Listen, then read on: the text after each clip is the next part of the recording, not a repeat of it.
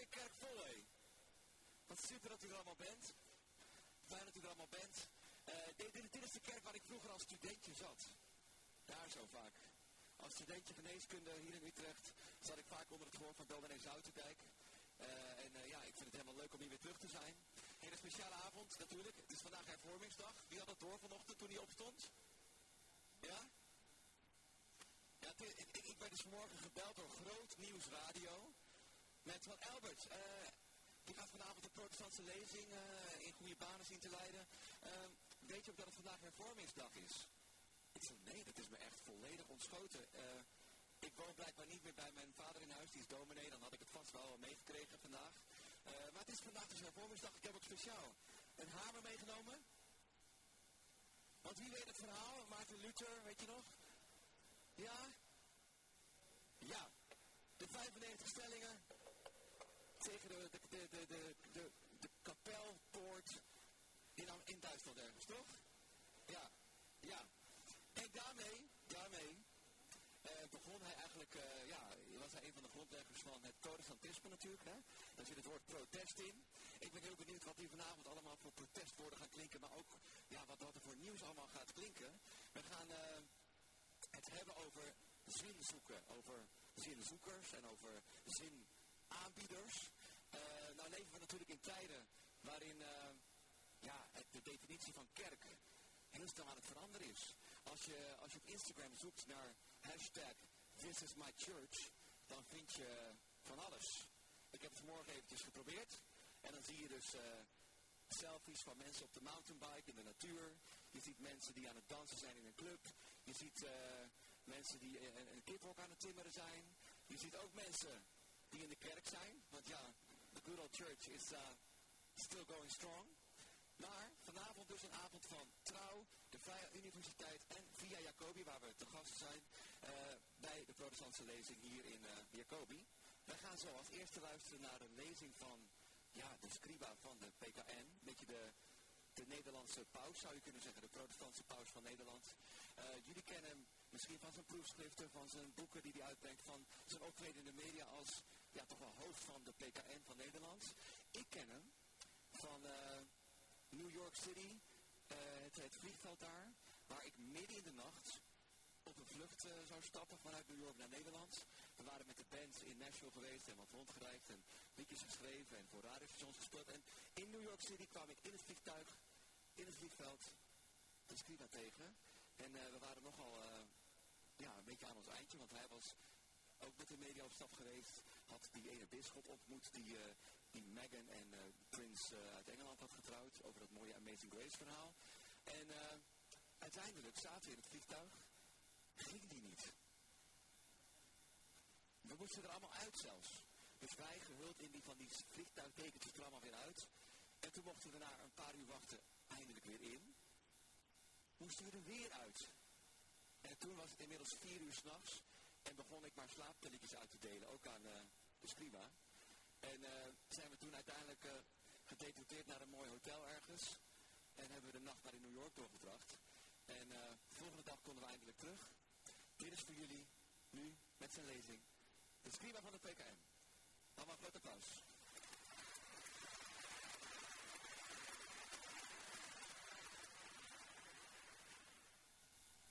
Dankjewel, Albert mooie herinneringen zo.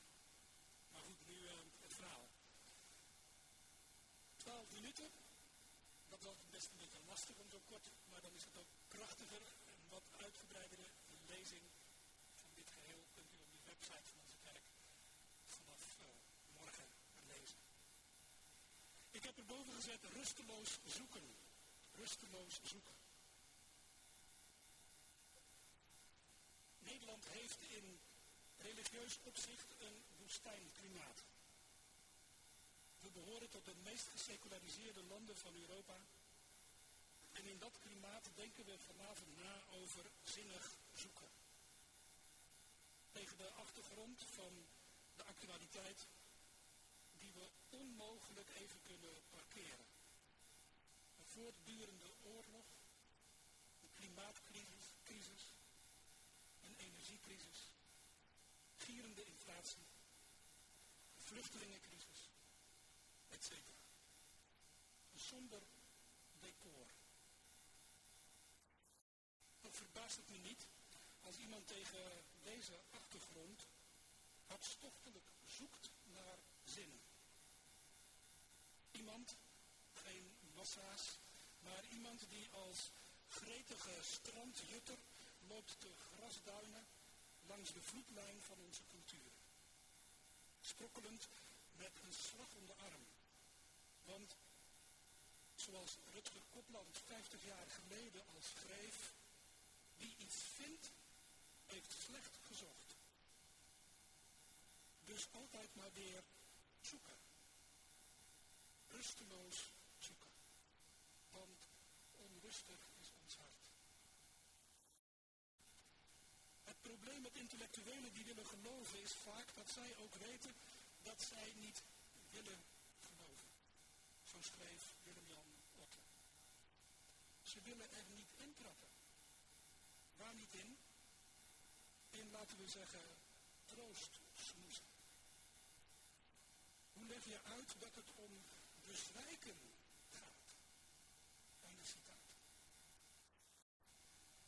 Het NRC wierp kort voor de coronacrisis de vraag op wat zegt het over onze tijd dat juist psychiaters een sterrenstatus hebben? Dirk de Wachter merkt hierover op. Is een gevoel van zinloosheid en leegte onder alles. Dat heeft te maken met de doorgeschoten, doorgedreven consumptiemaatschappij. De gedachte was, wij kunnen met vrolijkheid en consumptie dat gebrek aan zin wel maskeren. Maar je kunt nog eens een wellnessweekend doen, maar dat vult de ledigheid niet op. Alles dit te wachten. Jezelf een levensbeschouwing creëren is een hele klus. Tijdrovend. Soms plezierbedervend. Voor sommigen betekent het slecht slapen en depressieve buien. En dan hebben we het nog niet eens over mensen voor wie de existentiële zoektocht door het leven in meerdere of mindere mate een lijdensweg is. Nog erger, doodloopt. Al dat rusteloze zoeken, dat raakt me. Maar meer nog ben ik onder de indruk van het fundamentele gegeven dat God ons zoals blijkt uit het evangelie in notendop, het verhaal van Zacchaeus. Dat kleine, rijke mannetje is een zoeker. Hij wil Jezus zien. Hij klimt in een boom en doet daar de ontdekking dat hij wordt gezien. Jezus zoekt de vinder, Jezus zoekt de zoeker en vindt hem. Ik was een rusteloze zoeker totdat ik werd gevonden. Dat refrein hoor ik vaak terug in getuigenissen van gelovigen. Hoewel ik hier ben uitgenodigd als scriba van de kerk, nou, het gebruikte net een wat andere term, als kerkelijke bobo dus, sta ik hier eerst en vooral toch ook als gelovige. Wat mij toch steeds weer ontroert, is te horen en te ervaren dat ik gevonden ben. En ik heb het telkens weer nodig om het te horen, om niet ten prooi te vallen aan vertwijfeling. Maar telkens als ik het weer hoor en uitzing, is het alsof er een nieuw fundament onder mijn leven wordt geschoven. Columnist en auteur Stefan Sanders was een zoeker. Hij ging proef geloven deed in dagblad Trouw verslag. Letterlijk schreef hij, ik zocht niet, maar werd gevonden. En de al eerder geciteerde schrijver Willem-Jan Otte schrijft in zo mogelijk nog krassere termen over het begin van zijn geloofsweg. Ik was, schrijft hij, zoekende, maar wilde liefst niet vinden. Ik snap die houding je kaarten aan de borst. een interessante, zinnige zoeker. Als je je inlaat met allerlei nieuwerwetse levensbeschouwelijke inzichten, oogst je welwillende belangstelling. En zodra je zegt je te verdiepen in het christelijk geloof, dan wordt er nogal eens meewarig gekeken. Alsof je je auto in zijn achteruit zet en vol gas geeft. Zoeken zonder te willen vinden. Dat moet wel vermoeiend en uitputtend zijn. En de vraag is wat mij betreft, waar en hoe zoek je? Vooral wie zoek je? Laat me vragen mogen stellen. Allereerst. Geloof heeft binnen, het christelijke, binnen de christelijke traditie onmiskenbaar een persoonlijke kant.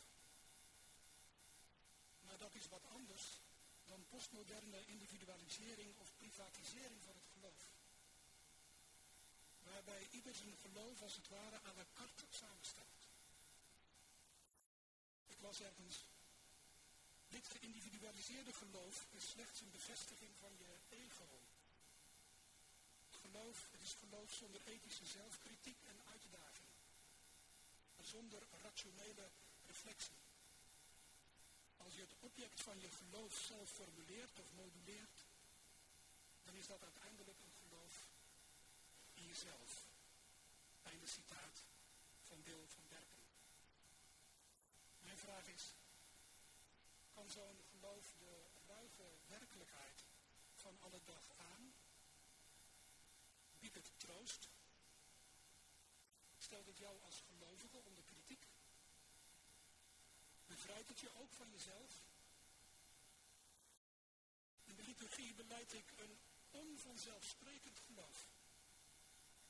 Maar dat vreemde geloof bevrijdt me uit het ronddraaien in mijn eigen kringetje. Ik creëer niet mijn geloof. Maar de geloofstraditie creëert mijn persoon. Het zet alles in een ander perspectief. Mens, wereld, verleden, heden en toekomst.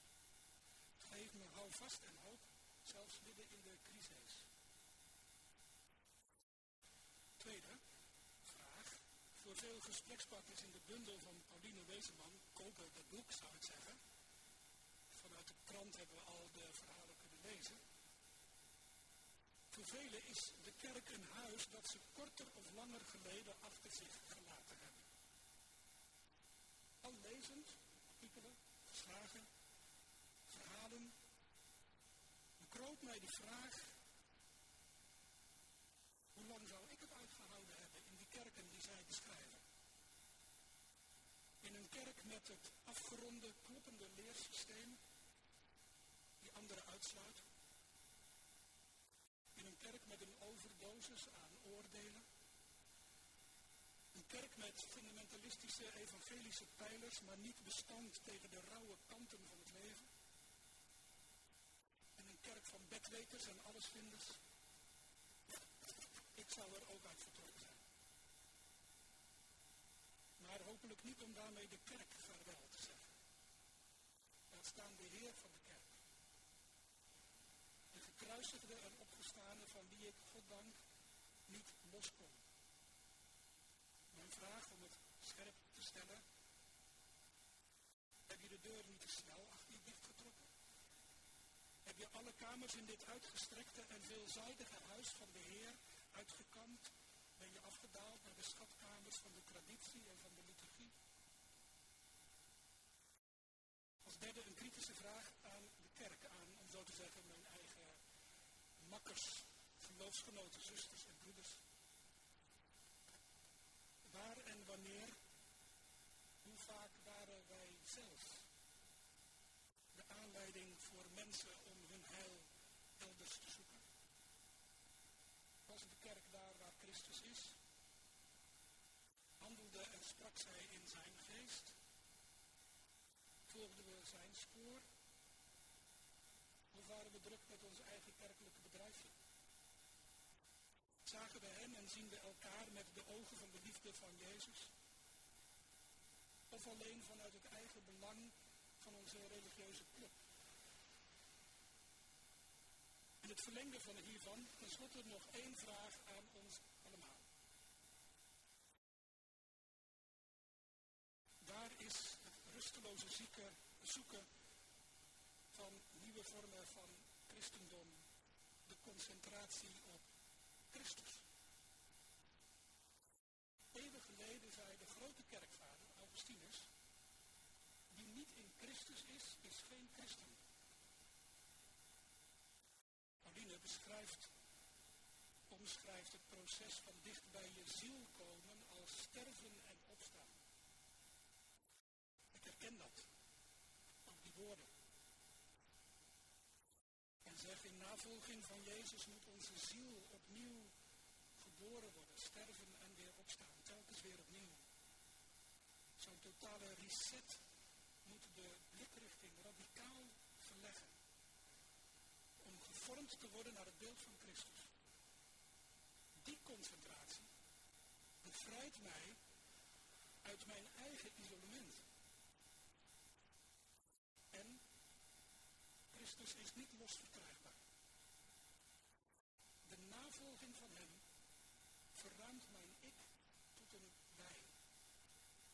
Het zet me in een eeuwenoude traditie van een wereldwijde gemeenschap, de. Ik vind het prachtig dat de oudste versie van de meest ecumenische geloofsbeleidenis die wij kennen, van bijna 1700 jaar geleden, de geloofsbeleidenis van Nicea, oudste vorm daarvan, die begint niet met ik geloof, maar wij geloven. Geloof schept gemeenschap. Rusteloos zoeken. Zo'n 1700 jaar geleden schreef Augustinus in zijn autobiografie, de eerste die verscheen, naar ik heb begrepen, de beleidenissen dus. Onrustig is ons hart, totdat het rust vindt in u. Om af te sluiten met Willem-Jan Otten. Hij schrijft, de rust van het geloof wordt je beloofd, niet per levensverzekering gewaarborgd. Toch moet je het erop wagen. Het is alleen maar een antwoord als het geloofd wordt. Of niet? Dank u wel.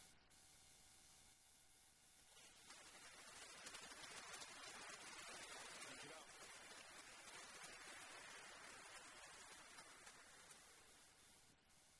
Dankjewel René. Vanmiddag was hier, eh, René refereerde er al even naar. Vanmiddag hier kort bij een eh, proeverij. Naar aanleiding van het nieuwe boek van Pauline Wezenman. Ziel zoekt zin. Waarin ze allerlei zingevers, zinzoekers, eh, plekken van, eh, van zinvinding eigenlijk in één gebouw heeft gestopt. En we konden daar als mensen langs trekken. Ik heb nog gedanst, bij het dansklooster bijvoorbeeld. Dus dat was over even om kader te scheppen van wat jij ook net zei René. Die proeverij is vanmiddag geweest. Daarna hebben we hier gegeten met een hele grote groep. En nu zijn we hier allemaal beland vanavond. Even Peers, die was vanmiddag bij. Ah, heel mooi. Jullie zitten dwars door elkaar heen allemaal. En, en, en de rest is dus hier vanavond aangehaakt. Welkom. Eh, maar dan heb je even dus een beetje een kader van waar deze dag al langer over gaat. Wij gaan naar de tweede lezing. En trouwens, als je nou tijdens de lezingen denkt van... hé, hey, dit blijft bij mij haken of hier heb ik een vraag over... sla hem even op, schrijf het misschien even op in je telefoon. Want straks is er gelegenheid om interactief hiermee bezig te gaan. Ja, straks is er ook een microfoon voor de zaal en kan ik langs voor vragen. We gaan naar het tweede deel van, eh, van de lezingen. Naar Annemiek Schrijver, eh, presentatrice bij de KRO. Eh, je hebt vast wel eens een keer haar gezien op televisie of een podcast gehoord. Zij zit heel erg breed in de mensen. Je, je, je kent ontzettend veel mensen die bezig zijn met zin. Afgelopen zoveel jaar al. Dus ik ben heel benieuwd wat jij gaat zeggen. Heb je een heel goed beeld van wat er in Nederland leeft op het gebied van zingeving en ook eh, qua vragen die er zijn. Eh, het leuke aan ons denk je is dat we allebei muzikant zijn eigenlijk. Hè? Die hebben gewoon jouw eh, carrière als eh, muzikant eigenlijk. En ook al gelijk met zingeving bezig in allerlei tehuizen. Eh, maar we kennen jou vooral als presentatrice die heel veel bezig is met zin. En ik ben heel benieuwd naar wat je ons te zeggen hebt. Groot applaus voor Annemiek.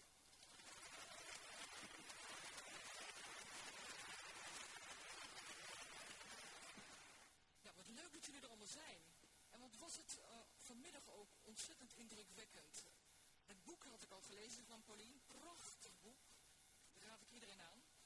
Maar die proeverijen was ook, was ook heel erg ja, ontroerend. En er is een heel mooi kunstwerk gemaakt. Hè? Dat staat daar toch nog steeds? Ja, kunnen we straks naar kijken. Ja, um, vanmiddag viel het woord nieuw christendom. Wat zou het zijn? Nieuw christendom. En in het boek van Pauline komt ook steeds het woord reisgenoten voor. En dat is een woord dat ik ook graag gebruik.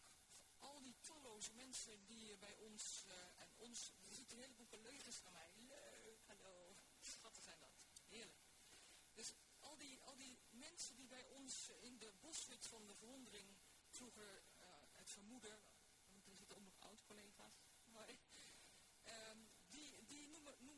reisgenoten. We zijn onderweg. Soms denk je, wat ben ik toch alleen op mijn levenspad. Maar dat is natuurlijk helemaal niet zo.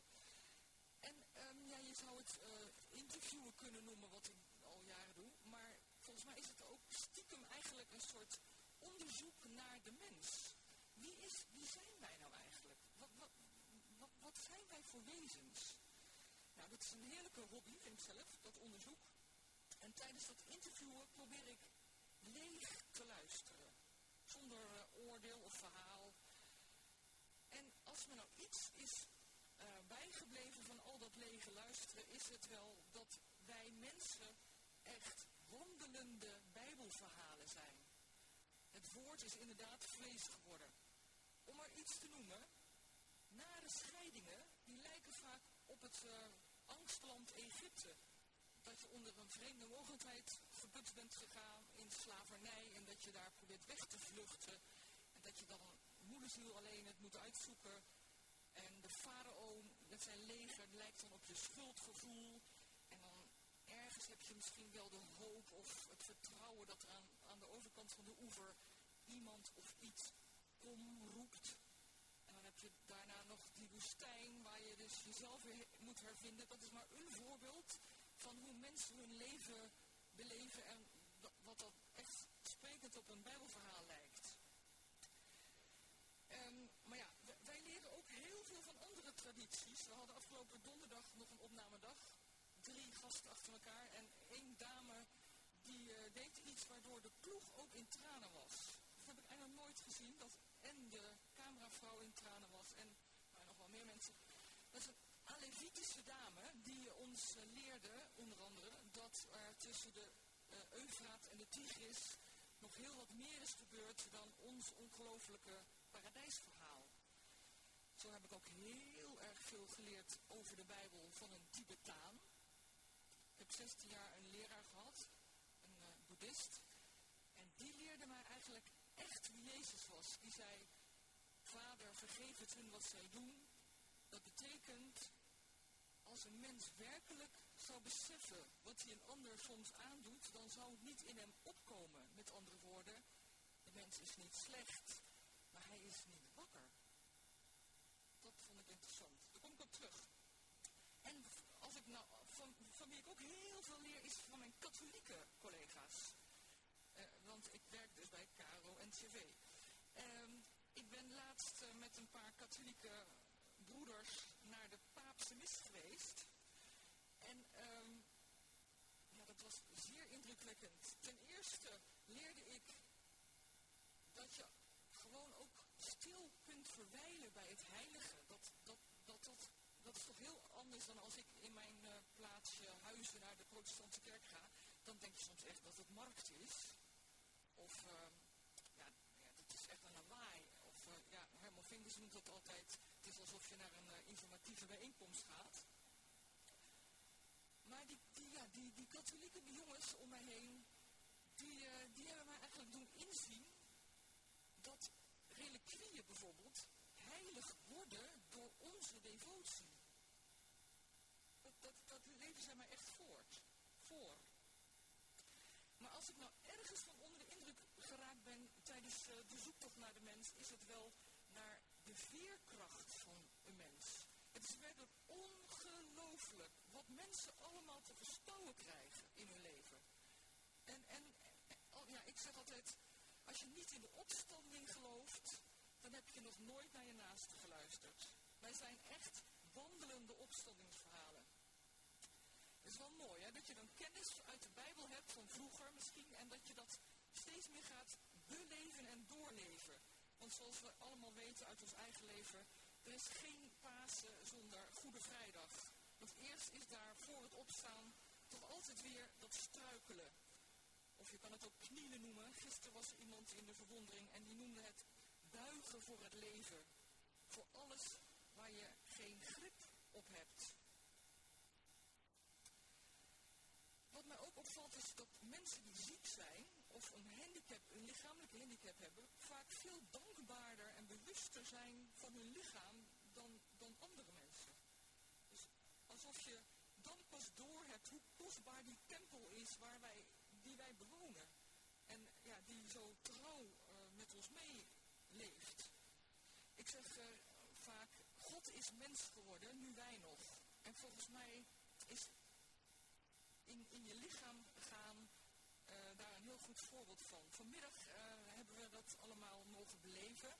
Ik heb bijvoorbeeld uh, een voor mij totaal onbekende man zijn handen enorm gestreeld, hè Joost?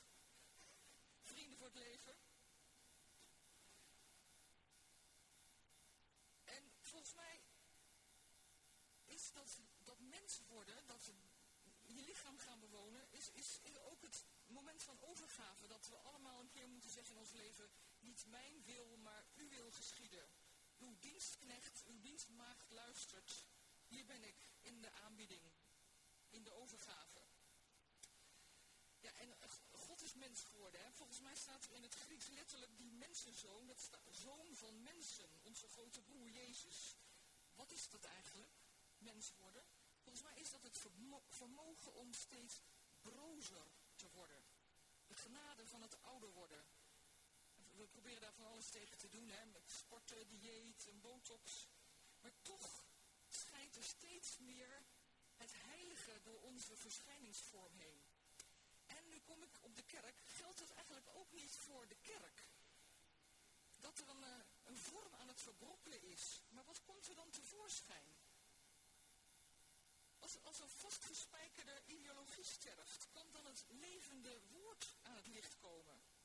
En wat zou er gebeuren als we niet onze energie steeds steken in het overeind houden van die vorm, maar dus niet in het instituut, maar waarnemen wat eigenlijk de schat achter die muur is.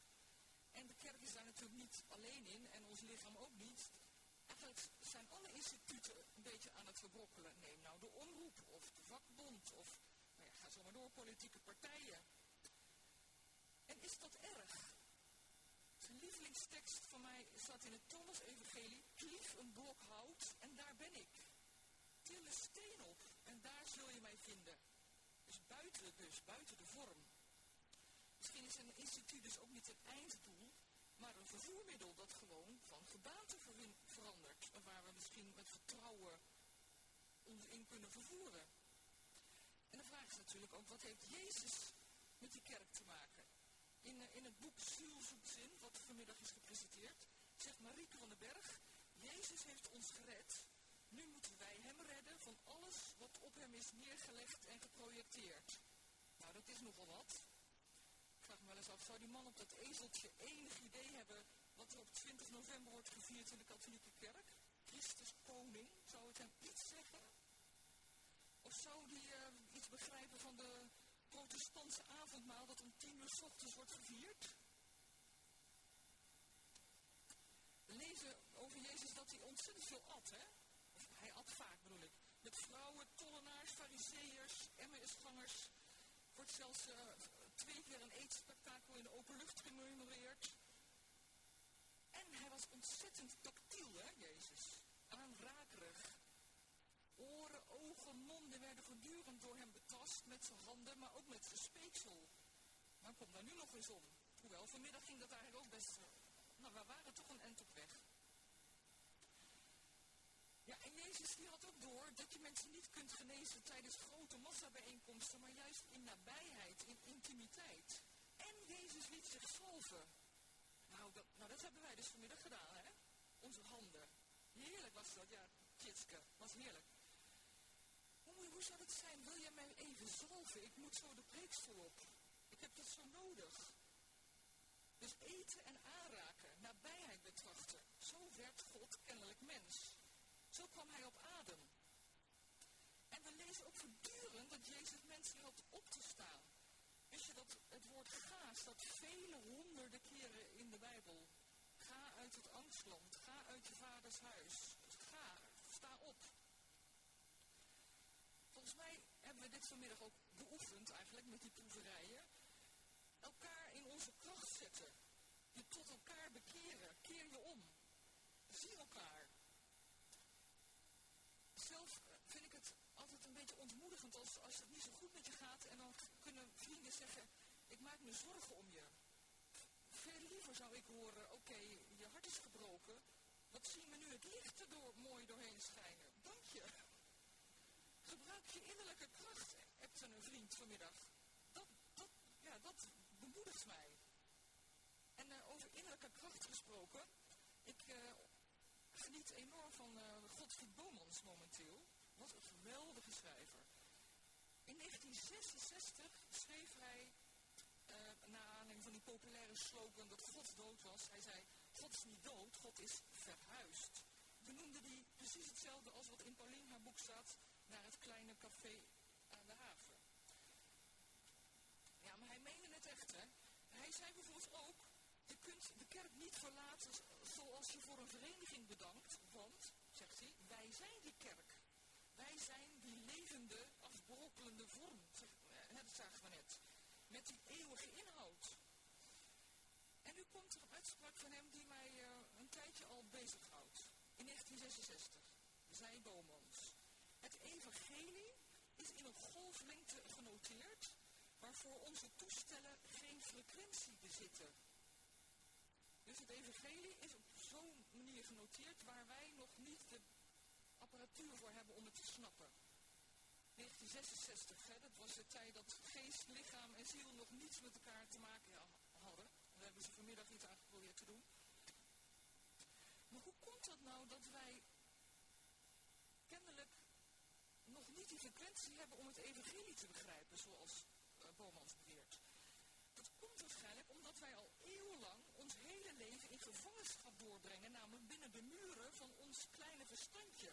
Dat is de gevangenis van ons zelfbeeld. Wat, wat we ooit hebben bedacht en waar we heel erg in opgesloten zitten.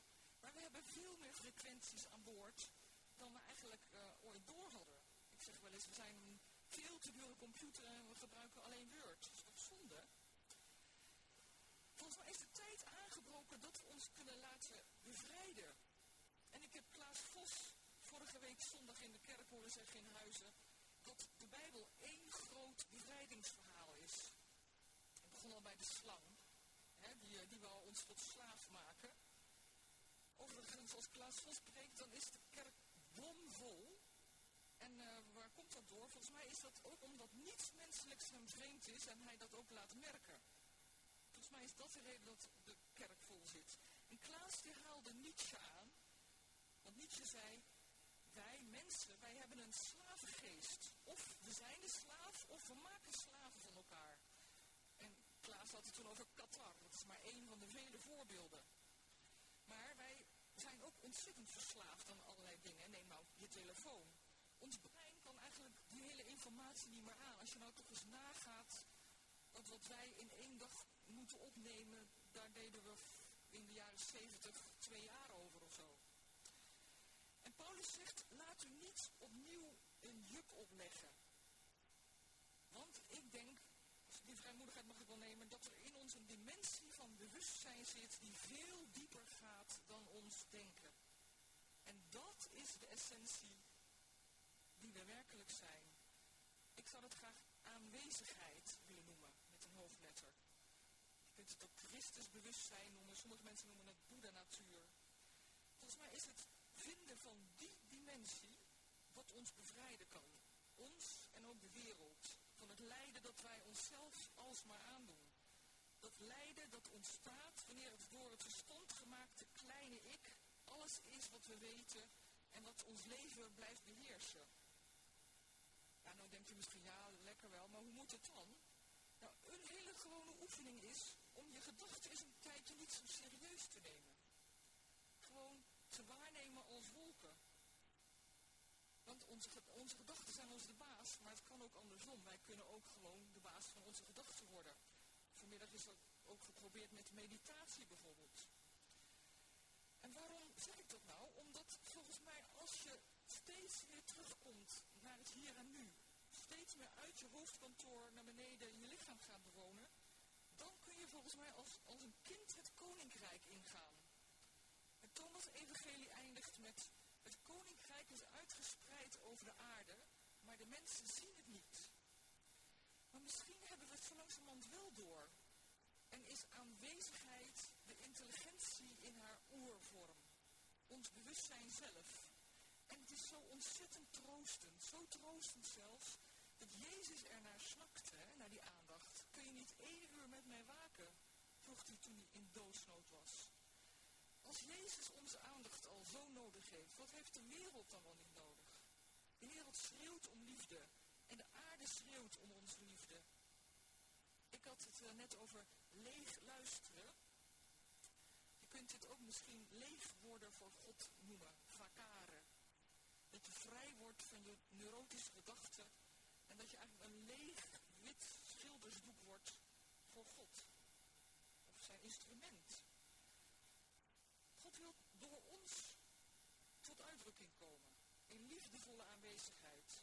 In en buiten de kerk. Is dat het nieuwe christendom? Of is dat eigenlijk het oude christendom? Zou dit niet iets van de begindagen geweest zijn? Bijvoorbeeld toen er nog waren, waar echt gegeten werd. Hè? Niet, niet als of, niet symbolisch.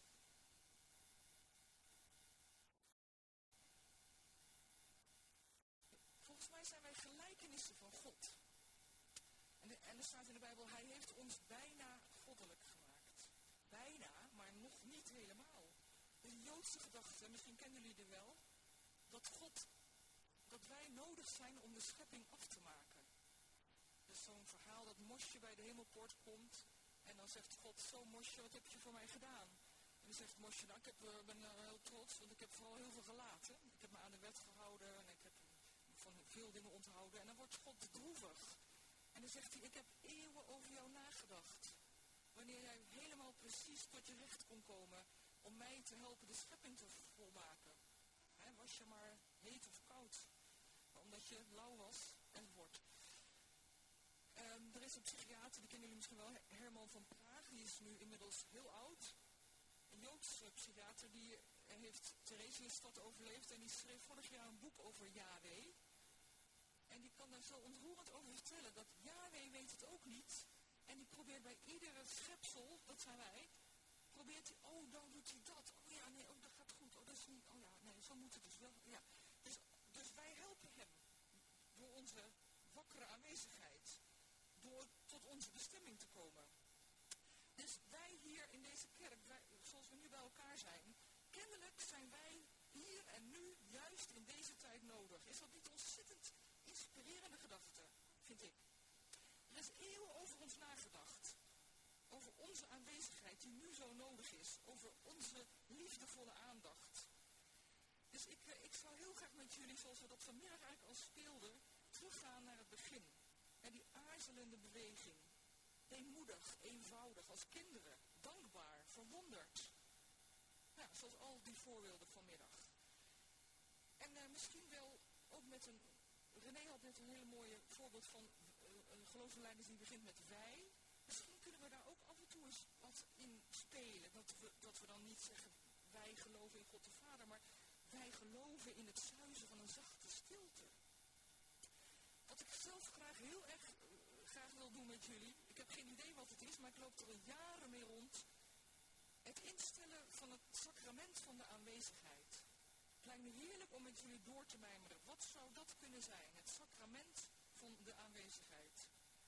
Laten we het speelse lef hebben om de weerschijn van God in onszelf en elkaar te zien. En het vertrouwen dat achter al die vergankelijke vormen, ook die van de kerk, dat de eeuwigheid achter schuil gaat.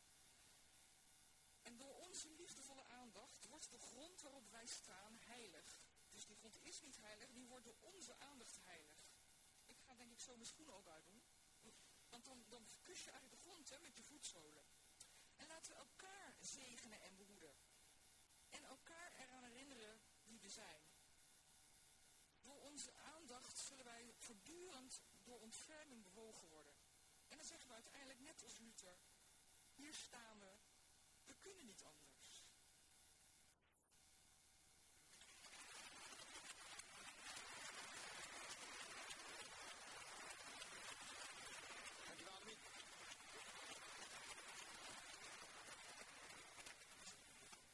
Het is hoog tijd om even eh, nog één nieuw gezicht aan jullie voor te stellen. Dat is, ze is al vaker genoemd, Pauline Wezenman. Zou hier op het podium kunnen komen?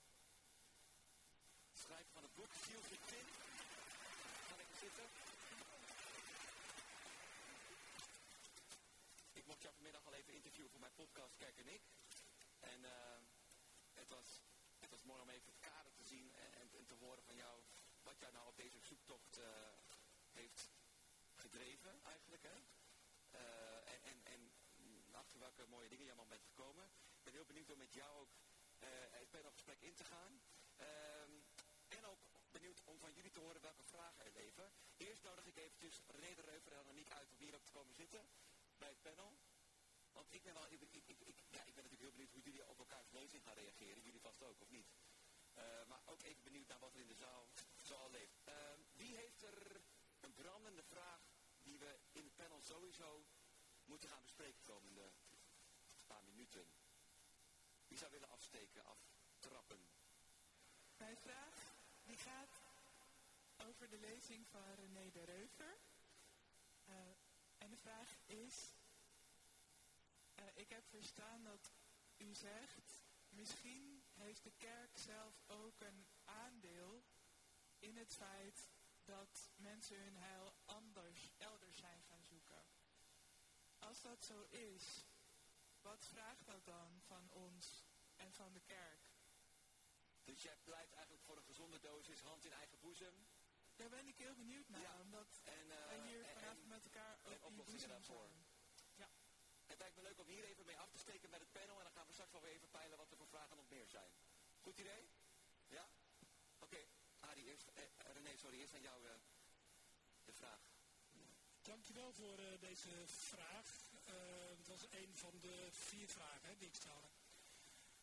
Waar ik voor pleit is dat hoe goed het ook is ehm, dat je het gesprek met jezelf aangaat en dat je naar de zoek naar je identiteit en ook iets naar die aanwezigheid en ehm, je eigen verantwoordelijkheid en roeping en wie je mag zijn op deze wereld. Ontzettend goed.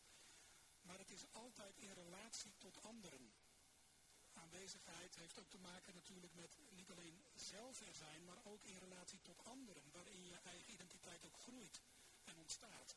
Zo zijn we, begin van de Bijbel noemde jij ook, zo al mijn, naar mijn diepe overtuiging ook van Gods wegen bedoeld. Dus het ik vraagt altijd om een wij. Maar een wij, een gemeenschap, kan zo gesloten zijn dat er geen enkele ruimte voor jouw ik is, voor jouw eigen identiteit. En daar knapt een mens op af. Dat gebeurt op allerlei vlakken. Dat kan in een gezin gebeuren, waarin je niet kunt zijn wie jij bent. En dat gebeurt in de kerk hier en daar ook. En dan begrijp ik het dat je dan ook weggaat. Dat je dan geen ruimte vindt om daar ook zelf te kunnen zijn die jij mag zijn. Wat is daar? Ik denk als allereerst is het heel goed om je dat bewust te zijn. Zitten wij soms zo mensen in de weg? Is het eigenlijk alleen maar een heel gesloten wij? Waar het niet veilig is voor mensen. Waar het niet veilig is voor iemand die misschien een ander standpunt heeft dan ik. Wij hebben niet zo heel lang geleden als kerk, hè, die vraag ook van, zou je dat moeten doen? Ehm, hebben, waar komt het dan op aan? Gezegd, laten we eerst dat zelfbewustzijn ook de hand in de eigen boezem Ja. eh, steken ieder moet zichzelf daarop, als het ware, ook als geloofsgemeenschap onderzoeken. Wat is de uitdaging? Schreven wij in dat document, visiedocument, kort geleden eh, in onze kerk eh, aangenomen. De roeping is om daar te zijn waar Christus is. En dan heel vaak nog buiten de kerk zijn. Lees het evangelie, waar, liet hij zich, waar hield hij zich op? Soms in de synagoge en meestal op straat, hè? Soms in de synagoge, meestal op straat. Zijn wij daar waar hij ons roept, waar dus ook iets rondom hem een gemeenschap uh, uh, zich vormt? Of zijn wij een clubje, een religieuze club, waar we dan ook nog natuurlijk voor de goede vorm vragen of hij zich er ook bij wil voegen? Om het maar even scherp tegenover elkaar te stellen. Dat is de grote uitdaging, denk ik. En voordat je het weet, en dat is denk ik ook zeker, dat trek ik mezelf ook aan, juist als je bepaalde wijze leiding geeft aan de kerk, kun je ontzettend druk zijn met je eigen instituut. De toko draaiende houden. De toko moet draaiend blijven. Maar dat is ook de vraag natuurlijk of wij dan wel ook werkelijk kerk zijn. Dat heeft ook met die aanwezigheid, denk ik, te maken. Zijn wij aanwezig daar waar de aanwezige zelf is? Ja. Nou, dat is denk ik de kritische vraag. En um, ja, ik lees op dit moment een prachtig boek over de gemeenschap van Urk. Nou, daar is heel veel moois over te zeggen. Maar er zijn ook nog wel wat mensen op afgeknapt. Omdat die niet pasten in die gemeenschap. Een te gesloten wij. En dat kan ik me heel goed voorstellen, dat ik het dan niet volhoud. Ik ben even benieuwd naar Pauline, die natuurlijk veel mensen heeft gesproken, die, die, die zich ontworsteld hebben moeten uit de kerk. Uh, wat, als, je, als jij hun peilt en een beetje probeert samen te vatten wat zij dan zeggen, wat zou je dan zelf uh, op, op deze vraag antwoorden? Ja, als het, als het gaat om, uh, om die kerk inderdaad, is ook heel Er is ook heel veel wat nog trekt in die kerk. als je kijkt naar het, het, het gedragen worden door de liturgie bijvoorbeeld, of het mooie oude gebouw, uh, dat er altijd blijft staan, uh, waar jij als mens je gewoon in mag voegen en gewoon mag zijn. Dus de kerk brengt ook wel veel. Maar ik denk dat die vorm ook heel veel belemmert. En dat zou voor mij ook wel een vraag zijn van in hoeverre zijn we niet te veel gericht op die vorm. Want wat ik heel veel hoor bij de mensen die ik heb gesproken, is dat ze eigenlijk zeggen, het gaat niet meer over mij. Het, het, eh, um, dus ik hoor hier ook praten, de angst ook voor te veel individueel bezig zijn. Ik zou er eigenlijk voor pleiten om gewoon heel individueel bezig te zijn als mens, of als kerk. Dus dat je het, mag het weer over ons gaan, over jouw pijn, over jouw verdriet. Wat jij ook vertelt, als de kerk vol zit, is als het menselijk wordt. Dus als je er mag zijn met jouw zoeken, het niet hoeven weten, uh, het niet meer willen weten ook. In hoeverre is er plek voor twijfel? In hoeverre is er plek als jij uh, ontdekt uh, dat je een andere geaardheid hebt dan um, gewoonlijk is in die kerk?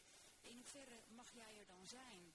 En als mensen op een gegeven moment merken dat die plek er niet is, dan willen ze weg. En dan gaan ze ergens anders inderdaad hun heil zoeken. Dus ik vraag me wel eens af in hoeverre belemmert die vorm. of moeten we misschien het gewoon helemaal afbreken en gewoon opnieuw beginnen. Um, ik moet ook denken aan een hoofdstuk uh, geschreven in mijn boek door Joris Verkammen, emeritus aartsbisschop van de Oud-Katholieke Kerk, die ook heel sterk de hand in eigen boezem steekt en zegt, ja, de kerken zijn eigenlijk heel sterk geseculariseerd. Het is bureaucratisch geworden, gericht wetten en op regels. En mensen kunnen daar niet meer mee uit de voeten. Uh, en het zou weer moeten gaan om passie voor de mens en voor God. Ja, dit, is, dit, dit, dit, wordt even spannend. Zijn er mensen die daar al op willen reageren? Zou je daar kunnen herinneren met je mic? En het spanningsveld, ik, wij. Uh... Ja, het gaat om andere dimensies. Ik zou Annemiek de vraag willen stellen, toen ze net de vergelijking maakte dat wij uh, gebruik maken van een computer en niet meer dan words benutten, terwijl er meer dimensies zijn.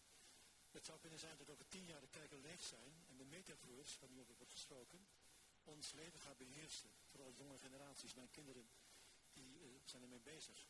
Mijn vraag is eigenlijk, zie je ook mogelijkheden in het virtuele, nu het zo krachtig wordt, steeds meer om ons heen komt, de metaverse als conceptie om allerlei dimensies te ontplooien, die wij onvoldoende kennen, zit daar ook een spirituele dimensie wellicht? Kunnen we daar dingen verwachten die we nu missen? Of is dat dus gewoon te veel naar voren? Uh, best wel een heel ander onderwerp eventjes. Ik, ik, mij lijkt het goed om heel even nog te blijven hangen in... in maar het gaat om aanwezigheid, hè? Die mensen van aanwezigheid. Die aanwezigheid. Ja, ik probeer nu te zijn. eens. Uh, nieuwe, eigenlijk nieuwe vormen, hè? De, de metaverse. Het hele uh, abstracte, niet te pakken... ja, de cyberspace eigenlijk, hè? Cyberspace. Um, en ik dimensie heeft niet in relatie tot waar, wat we aan het bespreken waren, maar misschien jullie wel. Ik kan wel een link bedenken, maar... Hm? Ik kan wel een link bedenken, maar... Nee. Dus zou je nog iets, iets willen doen? Ik snap nog niet helemaal wat je vraag dan is. Naar aanleiding van wat we aan het bespreken waren. Gaat een nieuwe vorm van aanwezigheid, nieuwe dimensies. Ja. Die vaak latent aanwezig zijn, meer buiten de kerk dan in de kerk, omdat daar de vorm en de bureaucratie belemmert. Ja, ja, ja. En ik zit, uh, ik heb veel gewerkt in deze wereld van virtualisering. Ja. Um, en merk dat daar hele nieuwe dimensies ontplooid worden. Um, en wat nu dus veel aandacht krijgt, is die nieuwe dimensies van die metaverse. Ja. Natuurlijk is het maar een concept wat nog volop in ontwikkeling is. Ja. Maar het exploreert wel naar menselijk gedrag op andere manieren dan we nu gewend zijn. Op hele uitdagende manieren. En mijn zorg is dat we aan de ene kant de kerk zien leeglopen. Uh, en tegelijkertijd uh, zie je iedereen via zijn telefoon verdwijnen in de digitale wereld. Ja. Waar steeds meer nieuwe dimensies ontplooid worden.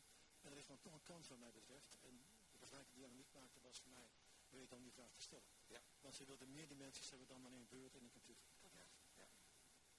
Nee, nee, Tenminste, dat is de associatie die ik nu heb. Hè. Dus uh, om maar even erin te gooien, zou ik maar zeggen. Niet zo heel lang geleden was er een uitzending, jij noemde hem ook, of jij noemde hem Herman Vinkers. Die noemde hem precies, jij dan, ja. Uh, heel bijzonder, die houdt katholiek. Uh, die houdt uh, missen. In het Latijn. In een mystieke ruimte. De ruimte is te klein, zodat, omdat niet iedereen erin kan. Vragen hem, joh, zou je dat niet, hè, waarom doe je dat nou in het Latijn en waarom je dat op deze manier? Hij zei, ja, maar dat raakt iets aan het mysterie. Dus dat is ook wel iets van het verstand, hè, dat, dat, dat, daar kom je er niet aan. Dus ook denken aan Hanna, wat Hanna Rijker doet met evensongs, klassiek in het Engels, klassieke uh, liturgie.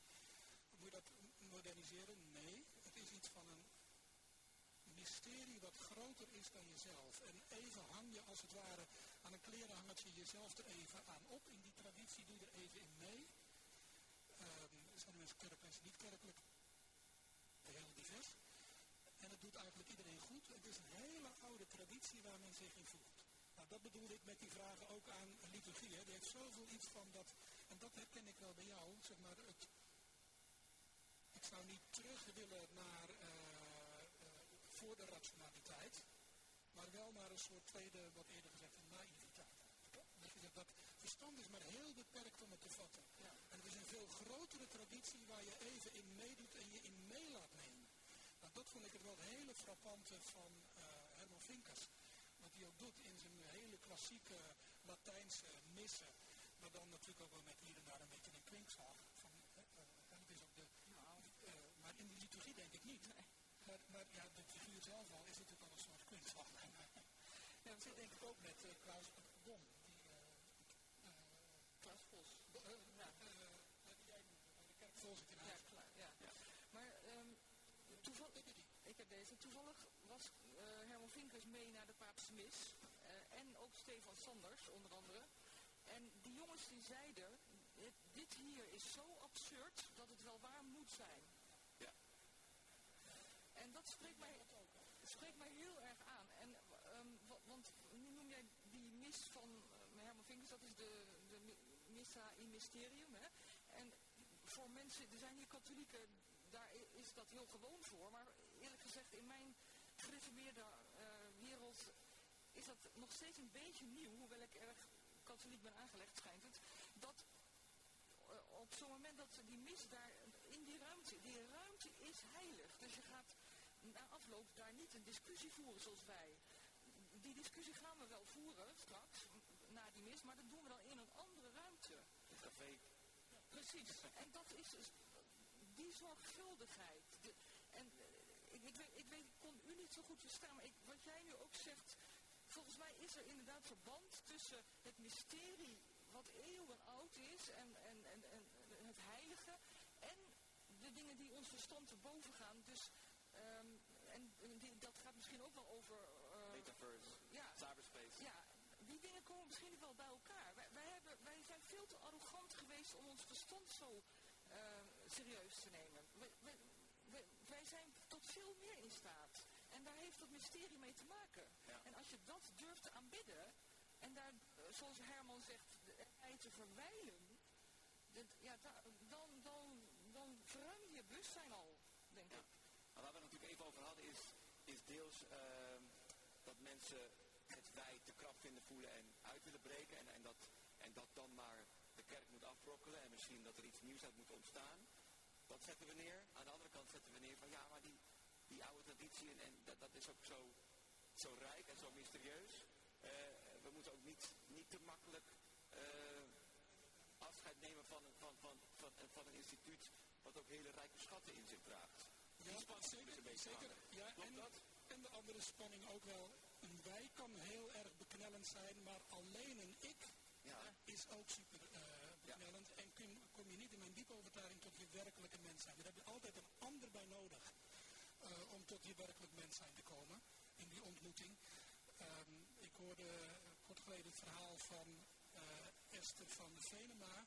Die een boek geschreven heeft over onze cultuurtijd. Waarin we eigenlijk pure onszelf teruggeworpen individuen geweest, eh, geworden zijn. En dat zijn verlaten individuen die in de leegte terechtkomen. Dat is haar analyse, waardoor het hele samenleven zelfs onder druk komt te staan. Want dat is geen samenleving meer, want dat zijn het allemaal hele losse individuen. Dus evenzeer de valkuil van een gesloten wij is een opgesloten ik in mijzelf. Nou, dat is mijn kritische punt wel naar eh, wat ik hier waarin jullie jouw mooie boek lees.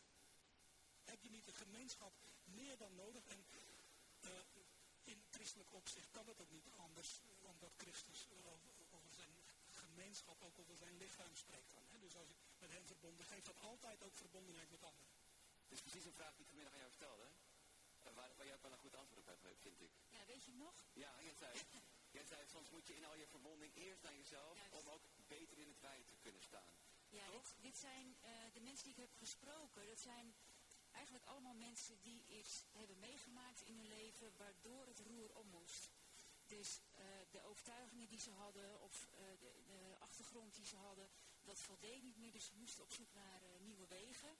En wat je dan ontdekt is dat je dan eerst naar, je, eigenlijk naar jezelf moet. Dus je hebt mensen die komen dan in een burn-out terecht of in een crisis terecht. En ontdekken daarin dan helende vormen het lichaam, ehm, de dans, eh, de, de aanraking.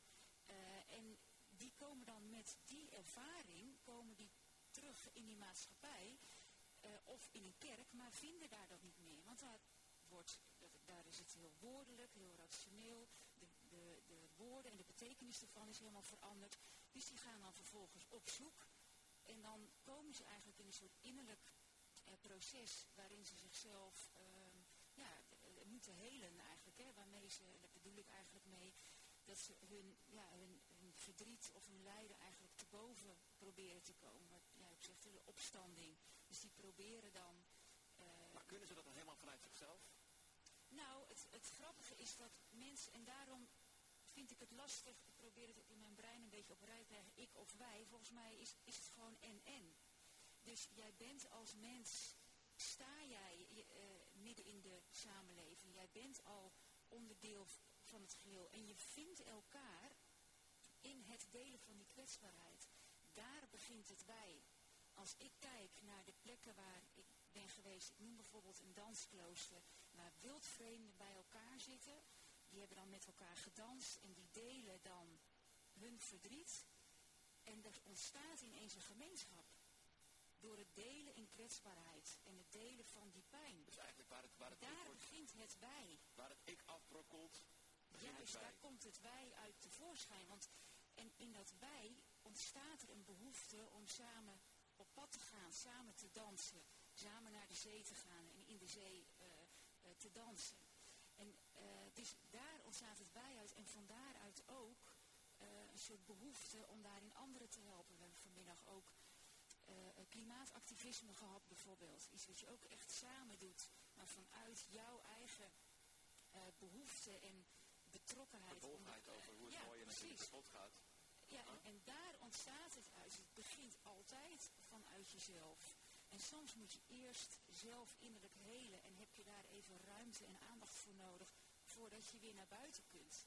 Dus jij Eh, pleit voor en-en.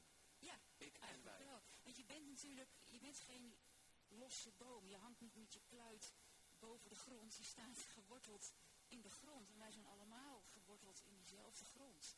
Mhm, Ja. En bij de een is die meer christelijk gekleurd en bij de ander hè, eh, meer met een andere traditie gekleurd. Maar ja, we zijn onderdeel van dezelfde, hetzelfde geheel. Dan komen we eigenlijk bij die, bij die, die, eh, die incarnatie, waar jullie het eigenlijk beide over hebben gehad. Ehm, zou jij daar eens op kunnen reageren? Eh, die boom, eh, de kerk. Hoe, hoe, moeten we nou als kerk eh, in dat spanningsveld tussen ik en wij, met een samenleving die, die roept om, die, die allerlei nood heeft. Laat ik het anders formuleren. Mijn vader is, is, is een dominee, ik ben een domineeszoontje. Die zei altijd, het evangelie heeft voor elke tijd en elke context en elke tijdgeest wel weer een, nieuwe aan, een nieuw haakje. Er is altijd wel een, een, een reden waardoor het evangelie altijd heel erg actueel is. Er is iets mysterieus eraan eigenlijk, iets heel bijzonders eraan. Wat is dan in onze tijdgeest nu dat waar het evangelie echt, echt eh, goed nieuws voor is? Echt iets bevrijdends voor kan zijn? Nou, eh, volgens mij is inderdaad de Bijbel één groot bevrijdingsverhaal. Ja, En ik, denk- ik denk dat dat, dat, dat de, de boodschap voor de hele wereld is. Van, eh, het lijkt wel alsof we steeds gevangener worden. Maar waar is Nederland dan nu gevangen door? Nou ja, door, door bijvoorbeeld, eh, ik, ik kan wel janken als ik in een supermarkt ben en ik zie oma's met hun telefoon terwijl het kleinkind er zo naast staat. Dan- we zijn, zijn volkomen geobsedeerd door, ja, door alles. Door informatieoverdracht, informatie. Ja, en dit wordt, Zelf, ver, ver, zelf eh, ontplooiing eh, in cyberspace misschien wel. Maar het, wat, de vraag die ik toch wel alsmaar heb, jullie zijn deskundig, ik helemaal niet. Ehm, wat stond Jezus eigenlijk voor ogen? Wa- was hij nou zo uit op, op, op volgelingen en een gemeenschap? Ik zie hem alsmaar weglopen de woestijn in en zo. En, eh, en, en in het vooronder gaan slapen. En, eh, Goeie vraag voor de theoloog, denk ik even eerst. René? Wat stond Jezus voor ogen? De- ehm, mooie vraag natuurlijk. Ehm, maar hoe vaak klinkt niet volg mij? En roept hij mensen niet, eh, nee, k- kom achter mij aan, ja, maar vol, volg, volg mij, neem, je- en dan is het neem je kruis op en volg mij. ja, precies. Maar zegt hij dat, dat, dat is nou precies, zegt hij dat tegen jou of zegt hij dat tegen ons?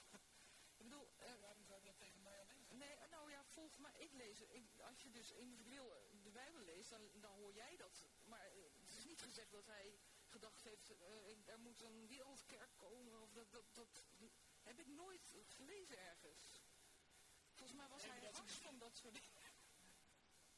Ja, maar ik bedoel, want, want ik heb nog een stukje eh, geschrapt wat ik niet gezegd heb, omdat ik dacht het wordt te lang. Maar volgens mij is geloven vooral een kwestie tussen ik en gij. En, en, en pas daarna kun je samen kijken, wat, wat, wat, wat- hoe is het met jou? En dan, dan, anders wordt het een opgelegde ideologie. Dus, en volgens mij is dat helemaal wat Jezus ook steeds voordeed. Je- kijk, ik denk zelf, ehm geloof is heel persoonlijk, maar dat is nooit individualistisch. Nee, Het bindt je altijd aan hem maar als ik het en het, niet kan ervaren. en het, en het bindt je aan medevolgelingen van hem. En dat is eigenlijk kerk. Ja, maar het gaat eerst om je ervaring. En dan pas kun je, als het door je heen is gegaan. Want ik heb jaren onder een preekstoel gezeten. Ik had geen idee waar het over ging. En nu, nu ben ik tot de jaren des onderscheids gekomen. En dan kom ik mensen als Klaas Vos tegen. En denk ik, oh, gaat het daarover? Ik, ik kom huilend de kerk uit nu. Mhm. Dat noem ik nou geloven. Ja. Ja. Terwijl, terwijl, terwijl ik dus heel erg kan opleven bij een goede degelijke uh, bondse preek wel eens hoor. Nou, dat is ook zo. Dat, dat- hij is een wonder. Oké. Ja. Dus, dus er zijn die hele, Oh, hele opstandelingen. dringende vragen. Ja, ik heb jullie eh, lezingen beluisterd en gehoord, als ik het goed eh, samenvat, dat er in de eerste lezing vooral Christus centraal staat. En misschien doe ik het tekort bij de tweede lezing om te zeggen, het gaat iets meer om het ego. Ehm, maar als we het dan hebben over de kerk van vandaag, dan zit daar precies het spanningsveld. Precies de kans voor de toekomst van de kerk. Want ik geloof dat als we als kerk werkelijk de focus op Jezus Christus leggen, ehm, ja, dat we daarmee samen ook, ja, als we ook samen naar binnen gaan en werkelijk eh, afstemmen op Jezus als kern van ons leven, dat we dan ook in de samenleving allemaal onze plek kunnen jullie ook de vraag van, hoe zien jullie eh, eh, dat? Wil jij erop reageren daarnaast? Meteen, ja? Haak je wel in alsjeblieft? Ja. Oh hé, de jonge theoloog is vaderland van vorig jaar. Ga verder. Tabitha van Krimpen, ehm, mijn vraag is daarop aansluitend heel mooi om Christus centraal te, eh, te stellen.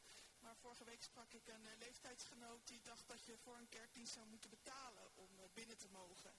Dus waar begin je überhaupt nog in deze tijd met überhaupt mensen vertellen wat, er dan gebeurt in zo'n kerk? Wat, ja, wat speelt zich daar eigenlijk af?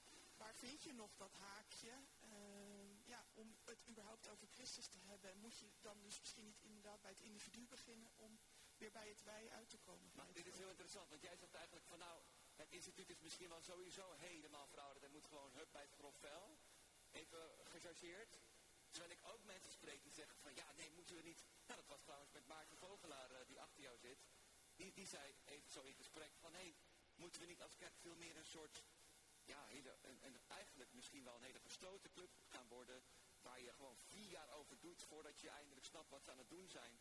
Eh, dat je helemaal moet ingewijd worden, misschien zoals in de begintijd van het christendom. eh, met, met uitgebreide doopcategese. En, en wordt het dan misschien niet ineens veel aantrekkelijker? Als je juist een hele moeilijke te vatten eh, gemeenschap wordt waar, waar je flink voor moet inburgeren. Voordat je überhaupt snapt waar het over gaat. Om even tegenover elkaar te zetten, hè? We kunnen het proberen. We kunnen het proberen, zeg jij, Annemiek. Ja. Want, want soms als je dingen duurder maakt en onbereikbaar, dan worden ze populairder, hè? ja. Dat is even wat ik wil zeggen daarmee. Misschien mag ik er nog op inhaken. Ik denk dat vanmiddag was de proeverij met bijvoorbeeld een eh, workshop van Tjitske Christelijk Spiritueel Centrum. Dat is een prachtig voorbeeld waarin het geloof eigenlijk heel dicht bij je kan komen. En waardoor door jezelf beter te leren kennen, je ook Christus dichterbij kan ervaren. Voor mij was dat totaal out of the box denken als theoloog. Maar eh, dat heeft heel veel gebracht. En heeft ook eh, Christus dichterbij gebracht. En Ja. ik denk daar echt sleutels zitten. Maar dat we juist de mens allemaal individueel echt moeten zien. En ja, het is maatwerk, juist. Ja, ja, ja. Dus jij pleit eigenlijk voor, voor wel het, het ik in de spotlight, maar dan wel... eh, Nee, Christus in de Christus. spotlight. Het gaat om Christus in de spotlight. Dat is reformatie. Dus Ubi Christus, ibi ecclesia. Ontkennen wij het goed? Dat, daar, daar zoeken naar de verwondering, ja. De verwondering Het gaat niet alleen om ik en individu. wij. Het verschil maakt Christus. ik. Goed, wordt wel ingewikkeld, jongens. En volg je nog op? Nee, ja. Ja? Oké, zullen we hier eens op reageren? Annemiek? Klaas, wil jij erop reageren? ja, doe dat eens, Klaas. Daar heb je hem. Nou, kijk, het 1.1 over Christus. Ik vind dat zelf altijd een beetje abstract. In Christus. En als ik de verhalen lees, en die volgens mij is dat de eerste en misschien wel de enige taak van de kerk. Anders waren we er niet. Dat zijn die aloude verhalen weer opnieuw bij de mensen brengen. En, dat, daar, en in een liturgie, kan helpen, want er zijn er meer voor ons geweest. Maar dit terzijde. Als ik dan de verhalen van Christus lees, dan valt het mij op dat hij inderdaad altijd op een individu, die ziet die in zijn situ of haar situatie van ellende, moeizaam, woestijn, verslaving, vastzitten. En dan wil hij die losmaken. En wat mij dan opvalt, dat gebeurd is, trekt Jezus zich weer terug. Hij geeft die mensen eigen leven. En nou, René kent de theoloog van Ruller. En dan denk ik, die heeft het uitstekend verwoord. Dat hij zei, het draait wel om Christus, die hebben we nodig. Maar het gaat niet om hem. Het gaat namelijk om dat wij als bevrijde mensen zijn geest dat kunnen vieren, kunnen stralen in de omgeving, zodat er wij ontstaat. En natuurlijk is er een wij. Die is hier. En met elkaar mogen we op eigen wijze in dat wij een rol spelen. Dat heeft de Reuver ook goed gezien. Maar ik denk dat we af moeten, ja, dat, ja, de kerk is leeg, de kerk krimpt. Ik wil even een positief, sorry dat ik dat nou zeg, ik ben zelf 25 jaar kerkverlater geweest. Ik was het helemaal zat. kwam er mijn strot uit. En toen, en toen? En toen ben ik gewoon, ja wat, ik ben andere dingen gaan doen. En dat was woestijn en soms oase. En op een gegeven moment, dat is zo'n heilzame ervaring, dat jij wel denkt te zoeken of helemaal niet zoekt. Dan blijkt je opeens gevonden te zijn. En dan zegt hij, joh, wees niet bang voor mij. Ik ben je vriend. En je kunt weer verder. En toen kwam de kerk weer in het vizier. En dat is iets, ik wil, dat, moet je niet groter maken dan het is, maar dat is op zich al een bevrijding die elke dag wel weer, weer nieuw zou moeten worden. En dan denk ik, ja dan is het heerlijk om in een kerk te staan, vol of niet vol, om te laten merken met een liturgie, jongen, jongen, jongen, er is een God die om jou geeft en je wilt bevrijden en zegt, en nu mag je het leven weer in.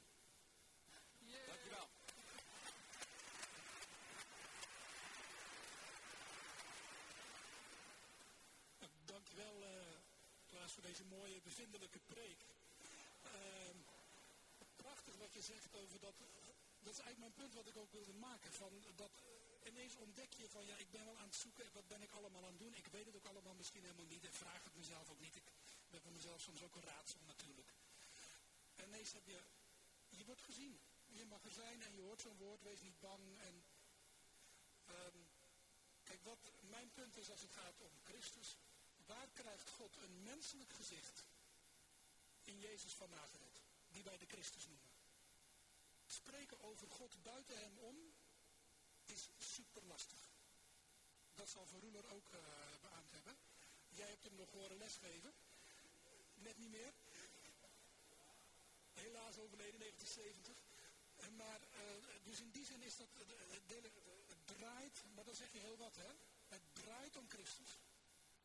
Maar het gaat natuurlijk om Gods schepping en om ons mensen en de schepping van Gods wegen.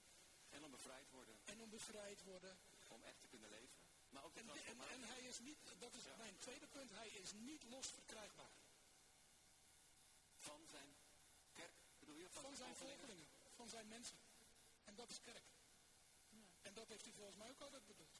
Nooit alleen maar, hij zag wel individuen, maar niet om ze op zichzelf te laten staan, maar om ze ook weer met elkaar te verbinden. Om weer heelheid te brengen in relaties ook, hè? Niet voor niets dat woord, mooie woord relaties. Ja.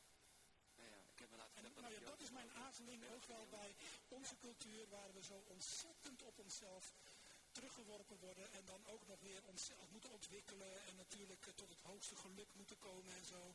Terwijl in het leven geluk, oké, okay, prachtig, dat was wel een beetje een vraag naar jou toe. Het leven is lang niet altijd een negen. Het nee. leven is heel vaak een zes, of misschien net een zeventje. Zeker. Uh, en zo uh, geweldig, glansrijk en prachtig is het heel vaak helemaal niet. Dat zeggen de psychiaters tegenwoordig, hè? Meest tevreden naar een 7. Ja, maar deze is eerder slecht zelf. Is jouw leven altijd een 9? Nee. Nee. Nee. Wie zou dat wel hier kunnen zeggen? Ja. En ook in, um, nou ja, dat had ik wel een beetje de vraag bij jouw verhaal. Van, maakt hij het ook niet wel heel mooi? Over het mens zijn en over, uh, nou ja, opstaan en. Het, is vaak ook struikelen en een ja. beetje krabbelen. Maar dat zei ik ook, struikelen en krabbelen. Maar ik ben ook nieuwsgierig naar het struikelen. Ik kan, ik kan ontzettend nieuwsgierig naar tegenslag zijn, maar dat is misschien heel particulier. Kent iemand dat? Nou, ik denk dat het juist bij het struikelen en de tegenslag begint. Eerlijk gezegd. En dat het daar, want wat ik heel mooi vond in dat uh, verhaal net van Klaas, is uh, het, het zien van die persoon. En het zien van waar jij op dat moment vastzit. Dus wanneer je struikelt, wanneer je ziek bent of die tegenslag hebt. En dat dat dan gezien wordt. En ehm, eh, je kunt heel erg nadenken over wie je als kerk wil zijn en wat de mensen misschien nodig hebben. Maar misschien is het heel simpel. Gewoon naar die mensen toe gaan. En wat houdt je bezig? Wat is jouw pijn? Vertel eens jouw verhaal. En, kom en kijk dan eens wat er gebeurt. En natuurlijk, liturgie kan ook iets heel moois hebben en is ook vreselijk doordacht. Daar kan ik ook van genieten, zeker. Maar ik zou het eens willen omkeren. Want deze mensen, die leven op in die omkering. In die, eh, de opstanding. Maar echt, het, het zie jij mij, zie jij mijn pijn. En kunnen we van daaruit een nieuwe vorm bedenken. En dat weet je nog niet. Al deze mensen, al die fantastische workshopleiders van vanmiddag hadden geen idee op het moment dat zij op een crisis zaten, dat zij nu op een proeverij een, uh, of een massage gaven of een, uh, uh, of een, of een, of een dansworkshop of meditatie, waarbij anderen ook weer op hun beurt geraakt kunnen worden. En volgens mij moet je daar beginnen. Ja. En de kerk zit heel vaak in de preken en het is heel erg van ja, top-down. Dat, ja, wat zou er gebeuren als je gewoon eens op een zondag bij elkaar gaat zitten? is misschien een beeld idee hoor, misschien gebeurt het ook al lang. Dat je gewoon zegt, jongens, wat houdt jullie nou bezig? Wat is er nou gebeurd deze week? Wat was dit voor week? Nu in Seoul bijvoorbeeld, al die tieners die verdrukt zijn. Wat doet dat met je? Wat, wat kunnen we hiermee? Wat zou die Bijbel daarover zeggen? Zou daar iets, en dat je geen preek hebt voorbereid, maar dat je gewoon, kijk, wie weet er nog een lied? Wat zou er gebeuren als je alles eens loslaat in de vorm? En gewoon eens kijkt wat er ontstaat. Misschien gaat iemand wel een lied zingen. Misschien valt iemand wel op zijn knieën. Misschien gaat er iemand wel huilen. Misschien ontstaat er wel iets. Dat is denk ik waar ook de hervorming ook is begonnen ooit. He, denk ik, he, van dingen merken van hé, hey, het wringt, het klopt niet helemaal. Even terug naar waar ging het ook, waar ging het ook alweer om? Ja. Wat zijn de waarden? Even afronden. Ja, mijn punt zou wel zijn, heel mooi, prachtig. Doen, zouden we dat maar meer doen, denk ik. Hè? Um, maar dat zegt, waar ze de hervorming begonnen, is ook weer die herontdekking van dat die Bijbelverhalen zo ontzettend bevrijdend zijn in die gebroken werkelijkheid van ons mensen. Nou, dat komt volgens mij bij wat jij ook zei, met dat bevrijdende van dat evangelie. En dan helpt zo'n Bijbelverhaal mij wel om weer vanuit een heel ander, nou ik zeg het al eens, het verhaal wat, of het woord van, van, van wat je zelf niet bedenkt, van de andere kant komt. En ineens weer een heel nieuw perspectief geeft, juist in die gebrokenheid, waar, uh, en dat struikelen en dat uh, krabbelen en, en, noem maar op, hè, waar je in zit. En wat je dan een perspectief geeft. Struikelen. Kijk. Het struikelen, hè? Ja, nou, ik vind het heel mooi dat je zegt, want het grappige is dus dat al deze mensen die dus inderdaad struikelen en dan, daar borrelt weer een bijbelverhaal op. Zo ging dat in mijn eigen crisis ook. Dat ik dacht, oh wacht eens, gaat daar die opstanding over? Oh wacht eens, gaat daar die exodus over? Precies dezelfde aha en levenis die jij hebt. Dus er, die, dat, die, zeker bij de mensen die uit de christelijke traditie komen, die zitten, die zitten al die bijbelverhalen al in opgeslagen. En al die rituelen. Alleen die komen dan weer naar boven en die worden dan als het ware omgekeerd en krijgen een volledig nieuwe betekenis. Dus het is precies die hervorming. Het komische is dat al die mensen, en daarom kan het misschien beter opnieuw christendom heten of zo, of oud, of nou ja, dat maakt me niet zo heel veel uit. Maar dat het dus, er ontstaat iets nieuws en het gekke is, op oude grond. Ja. Het wordt herontdekt en afgestoft. Ja. Is dat niet ook een beetje het leven dat je in een bepaalde bedding, een bepaald gezin geboren wordt en dat je daar gewoon chocola van moet zien te maken uh, gedurende je leven en dat het, dat het, dat het soms helemaal uh, ja, afgebroken wordt, smelt en dat je weer opnieuw moet beginnen. Uh, en, en dat dat ook juist het, het mooie is aan leven. Ja, en dat je dan ook ontdekt, natuurlijk zijn er ook heel veel frustraties uit het verleden, maar er zijn ook schatten. En, Ja. eh, en die frustratie is ook echt niet weg te denken hoor. Eh, die is er wel degelijk, maar er zijn ook heel veel schatten. En als je die opnieuw afstoft, Ja. ja. dan gaat het weer glanzen. Dus al met al strekken we ons uit. Eh, Al met al gaan we in de spanning staan tussen ik in Christus zijn licht en en die ons bevrijdt en in het bijzet. En het mooie oude, de oude schatten van de kerk. En we strekken ons uit naar wat er allemaal in die rafelranden gebeurt aan nieuws, aan hernieuwd christendom. Uh, wij moeten helaas gaan afronden. We zijn eruit. Als ik, ik probeer even een beetje zo uh, wat, samenvattende schetsen te maken. Tijdens deze avond heeft uh, de drominee niet stilgezeten. Die heeft geprobeerd over wat er vanmiddag is gebeurd, ook, vanavond is gezegd. Stalte P. Een mooi kunstwerkje te maken in spoken word. Uh, wij gaan even daar zitten. Applaus voor jullie. Dankjewel.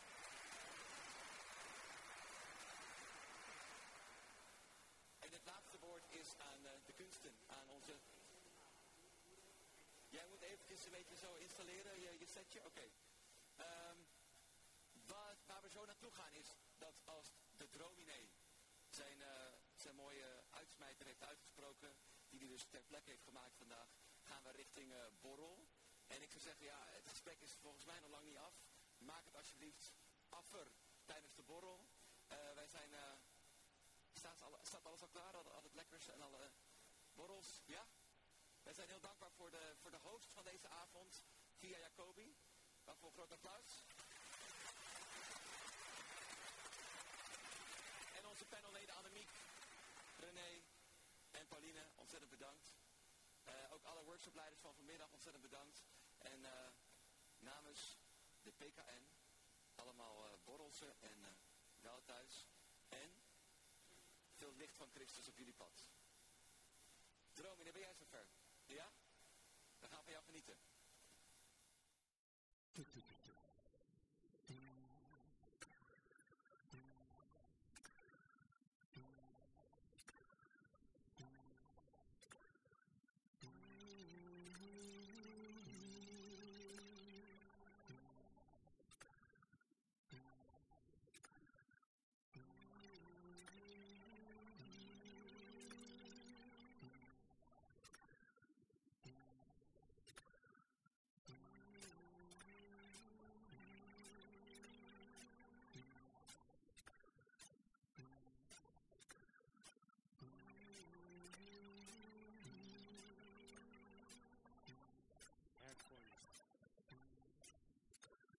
Hervormingsdag 505.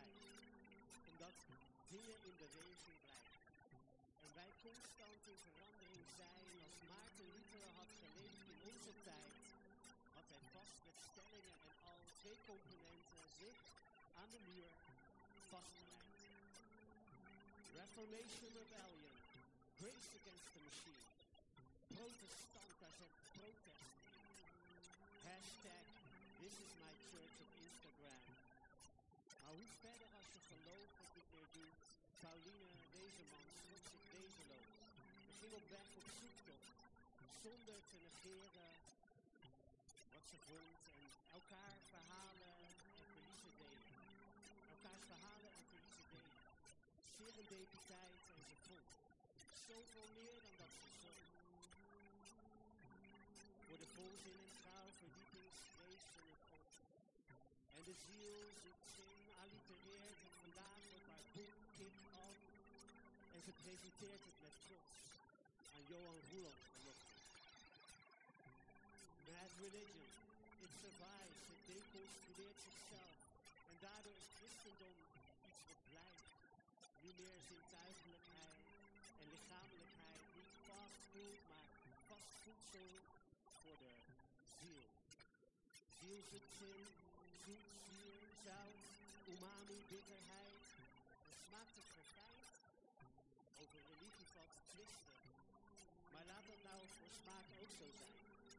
Dus vandaag begonnen we met een proeverij. Nieuwe recepten testen voor je spiritualiteit.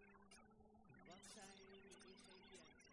Dat we lichaam, ziel en geest zijn, maar vaak in de geest blijven. Niet in de zin van het schreven, de muren vastgedacht van het brein. Er was een institutie van Calvijn. Maar waar was de intuïtie van Calvijn? Dus proefden we vandaag weer van dat lijf. Koptelefoon, silent disco met het dansklooster. In aanraking en beweging komen met yoga, full mind en body in slow motion. Aromatherapie. Aromatherapie, tactiel en zintuigelijk. Geuren die onder neusvleugels zijn gevlogen. Oefenen en leren als reisgenoot. Elkaar tegenkomen. Hier in de Jacobi, bij Bob lood, tussen woorden dansen met kleuren, van brokkenpiloten tot taferelen die naar kunstwerken ogen, knipogen en verhalen van door Pauline geïnterviewde personen die in de beeldtaal terugkomen. En je kan als theoloog door bij jezelf te komen, dichter bij Christus komen. En lichting in het, en verwondering in het leven openen, jezelf zijn mogen. Als een prikkel in de muur geen nummertje zijn als daklozen. Het recept voor geloven, niet mindful navelstaren, maar dat beeld van een boom als waarde, zowel actie als meditatie. En er werd hier zomaar nog wat gegeten, maar daar ik, had ik niks over geschreven. Dus via Jacobi worden we hier weer welkom geheten. En als je hart warm is, kan het zomaar zijn dat je voor Albert snel. Die werd door Groot Nieuws Radio uit bed gebeld. Weet je wel dat het hervormingsdag is? Maar dat is dus precies waarom deze dag maandag is. Podcast Mijn Kerk en ik. En de Spira van de PKN wordt als Nederlandse paus welkom geheten. Op een vliegveld in New York kom je zomaar een Spira tegen. Het vliegtuig ging niet, dus Albert moest slaappillen uitdelen. Laten wij even kijken of er iets bij hebben. Nederland heeft een woestijnklimaat, zinnigziekkundigen zonder decor. En wie iets vindt, heeft slecht gezocht. Reuver zoeken we rusteloos. En hoe leg je dat uit? Hoe leg je uit dat het over de zwijgen gaat, citaat. Maar Dirk de Wachter heeft voor mij dus echt een.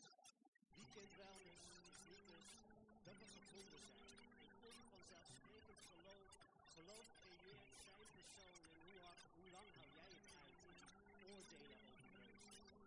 Onveilig en te gesloten wij, de roeping te zijn waar Christus is. En in het kerkenhuis zijn vele kamers, maar geloof heeft ruimte nodig in hartenkamers. Rusteloos zieken, rusteloos zoeken. Christus niet met het badwater weg. Scheurend deed hij genade uit de boeken. Ziel geboren opnieuw en opnieuw. En ik tot een bijwagen. Geloof het niet?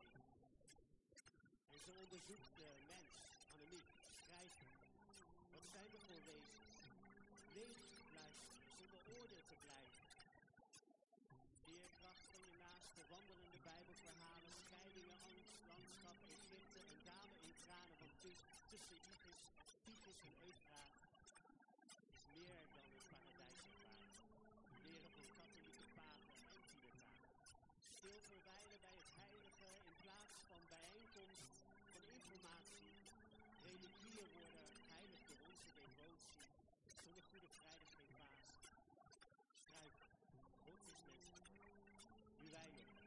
In het lichaam en overgave. Zoon van mensen vermogen om steeds. Kerk aan het verbrokkelen. En aan het licht komen. Leven worden. Schatgraven in de vorm. Vliegend blokhout en dat ben ik. Man op de ezel. Niet veel aan eten. Tactiel en aanraken. Modder en speeksel. Zalf met genezing. Zo kwam hij op adem. Ga een stap op. Ga een sta, stap op keer je om. Licht schijnt dwars door je hart gebroken. Waarnemen als wolken je lichaam. God is niet dood, God is verhuisd, zei Godfried Bomels.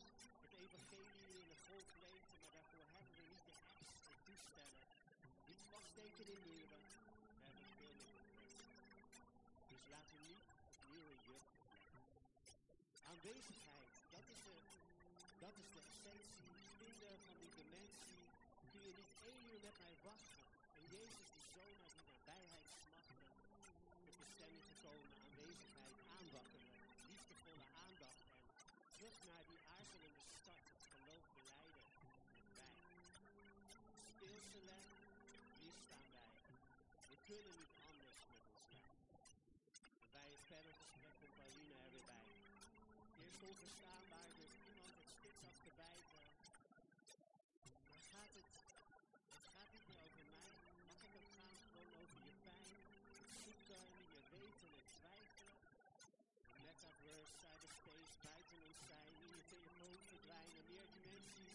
Missa in mysterium. Het is zo absurd dat het wel waar moet zijn. De ruimte is heilig. Die soort film. Na burn-out moest de boer om. Het is en en. Delen van het kwetsbare. Bijbel één groot bevrijdingsverhaal. Wat stond Jezus voor ogen? Volg mij af. Afstemmen op de Christuskern. Leeftijdsgenoten zeggen, je betalen voor de kerk. Alle oude verhalen weer. Ziet in de situatie van, ziet jou in de situatie van ellende. Vastzitten en het wilt losmaken, dat is gebeurd. En Jezus trekt zich terug. Geeft ruimte om te leven. Draait om Christus, maar dat gaat. Bevrijding stralen. Soms is het woestijn, soms is het oase. En je wordt gevonden. Wees niet bang voor mij. Er ontstaat iets nieuws op oude grond. Daar kunnen wij chocola van maken. Laten we daar straks. Nieuwe wijn in nieuwe wijnzakken. En de oude wijn in nieuwe jasjes. Hervormingsdag 5 tot 5. Dank jullie.